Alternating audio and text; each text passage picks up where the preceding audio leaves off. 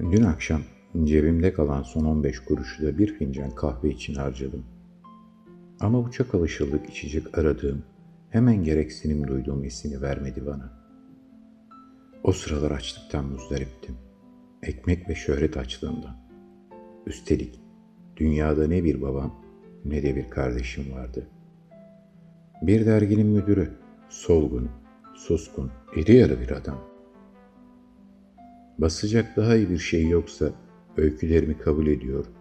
Ona götürdüğüm öykünün değeri, uzunluğu ne olursa olsun her seferinde 50 liret veriyordu bana. Ne eksik ne fazla. O ocak akşamı hava rüzgar ve çan sesleriyle doluydu. Hırçın ve uğultulu rüzgarla, korkunç ve tek düze çan sesleriyle. Büyük kahveden içeri girmiş, kahvemi yavaş yavaş içmiştim. Beynimde tuhaf serüvenlerin anısından bir kalıntı uyandırmak için kendimi zorluyor, birkaç günlük ekmek paramı çıkaracak herhangi bir öykü yaratsın diye imgelemi inatla dürtüklüyordum. Ertesi gün karnımı doyurmam için bana ön ödemede bulunacak olan yayıncıya götürmek üzere o gece bir öykü yazmam gerekiyordu. Bu yüzden kaygılı, düşünce ırmağının kıyısında oturmuş, önümde duran, daha şimdiden numaralandırılmış beyaz kağıt yığını doldurabilecek ilk uygun fikri, ilk imgenin üstüne atlamaya hazır bekliyordum. Böylece 4 saat 45 dakika boşu boşuna sinirli bir bekleyiş içinde geçti. İçim bomboş, ruhum ağır, beynim yorgundu. Vazgeçtim. Masaya son birkaç kuruşumu bırakarak kahveden çıktım. Dışarı çıkar çıkmaz ansızın bir cümle zihnime egemen oldu. Birçok kez işittiğim ama yazarını anımsamadığım bir cümle. Rastgele, sıradan bir adam kendi yaşamını baştan başa yazabilseydi, o güne dek yazılmış en büyük romanlardan birini yazmış olurdu. Yaklaşık 10 dakika boyunca bu cümle zihnimi doldurdu. Ona egemen oldu. Ama bundan herhangi bir sonuç çıkaramadım. Eve yaklaştığımda birden durup kendi kendime sordum. Niçin bunu yapmıyorum?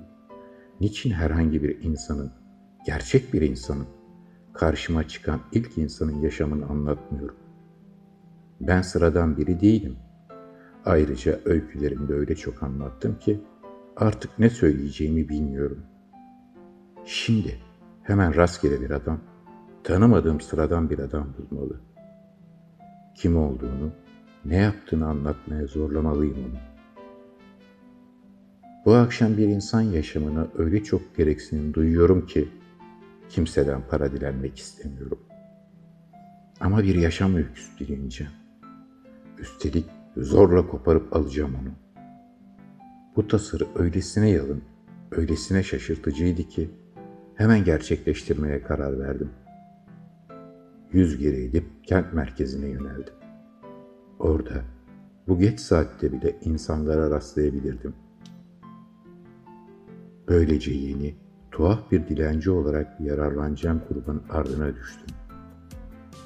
Etrafa bakınıp açlığımı doyuracak kimseyi iyi seçebilmek için gözlerimi gelip geçenlerin yüzlerine dikerek hızlı hızlı yürüdüm. Geceleri iş tutan bir hırsız ya da bir yan kesici gibi bir kavşakta pusu kurup bana bir itiraf bağışlamasını dileneceğim herhangi birinin sıradan birinin geçmesini bekledim. Sokak lambasının altından geçen ilk kişi yalnızdı. Orta yaşlı gibi geldi bana. Durdurmak istemedim. Çünkü garip çizgilerle çizik çizik olmuş yüzü gereğinden fazla ilginçti. Bense daha zor koşullarda yapmak istiyordum deneyimi. Bir paltoya sarılmış bir genç de geçti. Ama uçuşan saçları, afyon keşlerinkini andıran gözleri durdurdu beni. Çünkü onun bir düşçü, fantastik biri, yeterince olağan ve sıradan olmayan biri olduğunu kestirdim.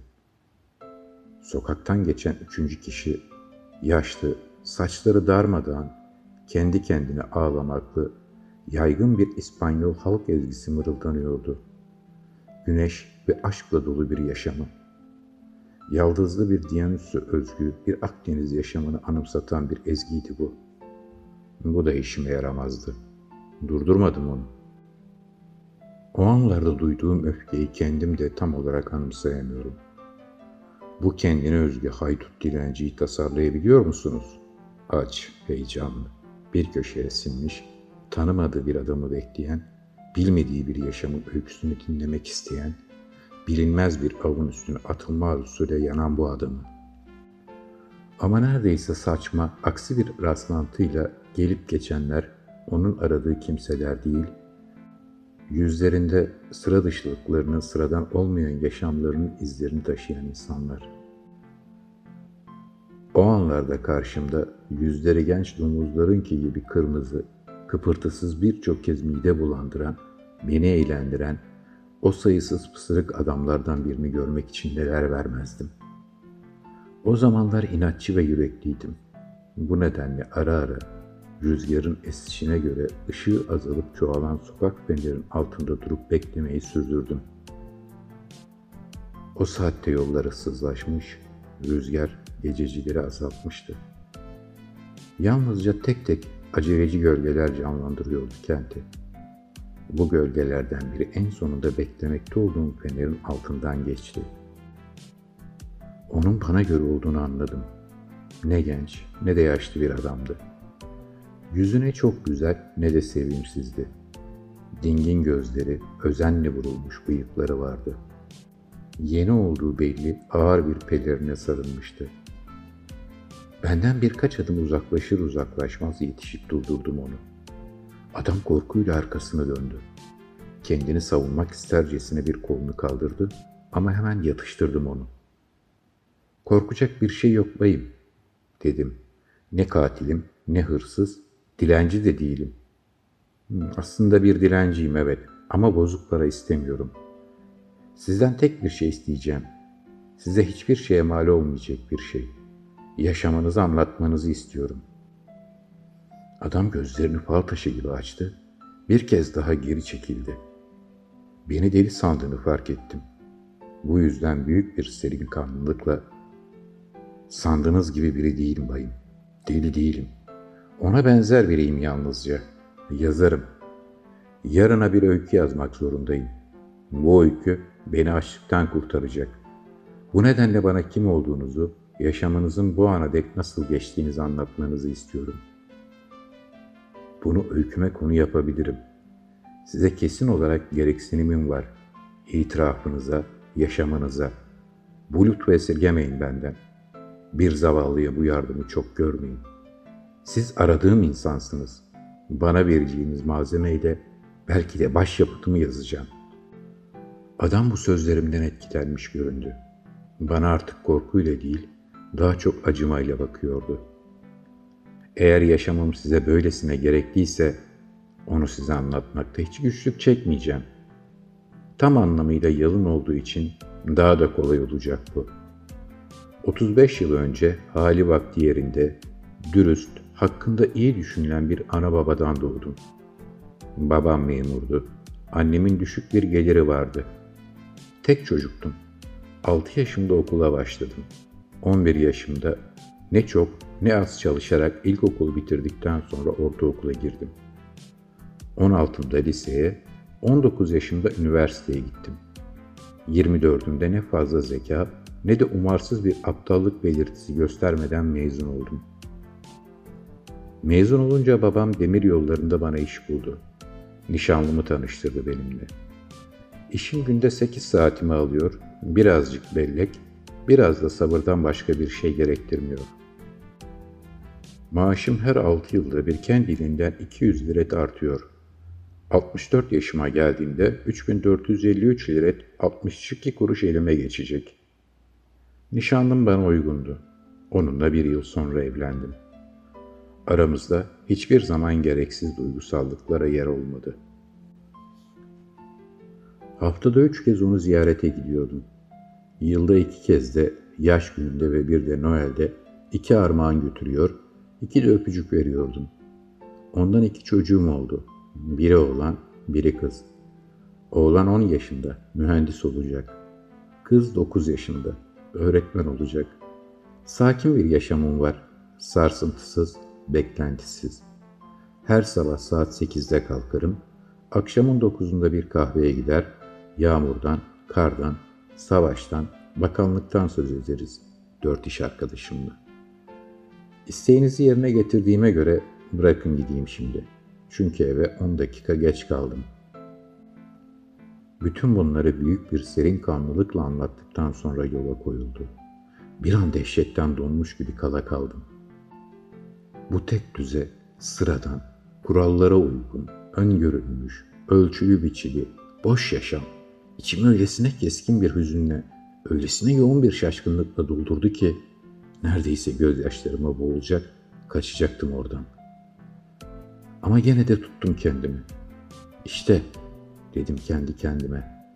Uğrunda ciddi hekimlerin bizi küçümsedikleri hakkımızda çılgın, soysuzlaşmış diye yargıya vardıkları ündü, normal, sıradan adam. İşte örnek insan, tip insan. Günümüzün gerçek kahramanı. Büyük makinenin küçük tekerleği, büyük duvarların küçük taşı. Hastalıklı düşlerle, çılgınca fantezilerle beslenmeyen insan. Olanaksız, var olmayan, hayal ürünü olduğuna inandığım bu adam işte karşımda. Renksiz mutluluğun bilinçsizliğinde korkak, ürkütücü. Ama adam düşüncelerimin sonunu beklemedi, gitmeye koyuldu.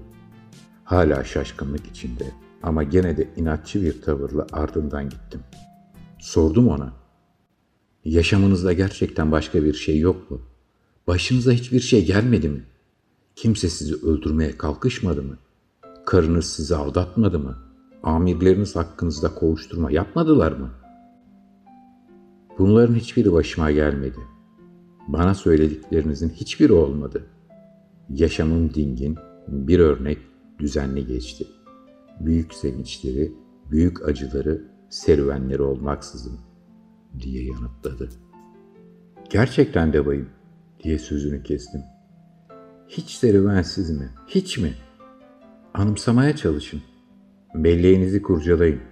Başınıza hiçbir şeyin gelmediğine, hiçbir zaman bir kesicik bile gelmediğine inanamıyorum. Yaşamınız gerçekten korkunç olmalı. Sizi temin ederim ki hiçbir serüvenim olmadı. En azından bu akşama dek sizinle karşılaşmak Bay Öykü yazarı benim ilk serüvenim oldu. Eğer gerçekten gereksiniminiz varsa bunu anlatın diye yanıtladı. Sonra onu yanıtlamama fırsat vermeden usulca şapkasına dokunarak gitti. İnanılmaz bir karabasan etkisindeymişçesine olduğum yerde birkaç dakika daha kaldım. Sabah odama döndüm. Ama öyküyü yazmadım. O geceden sonra sıradan insanlara gülemiyorum artık.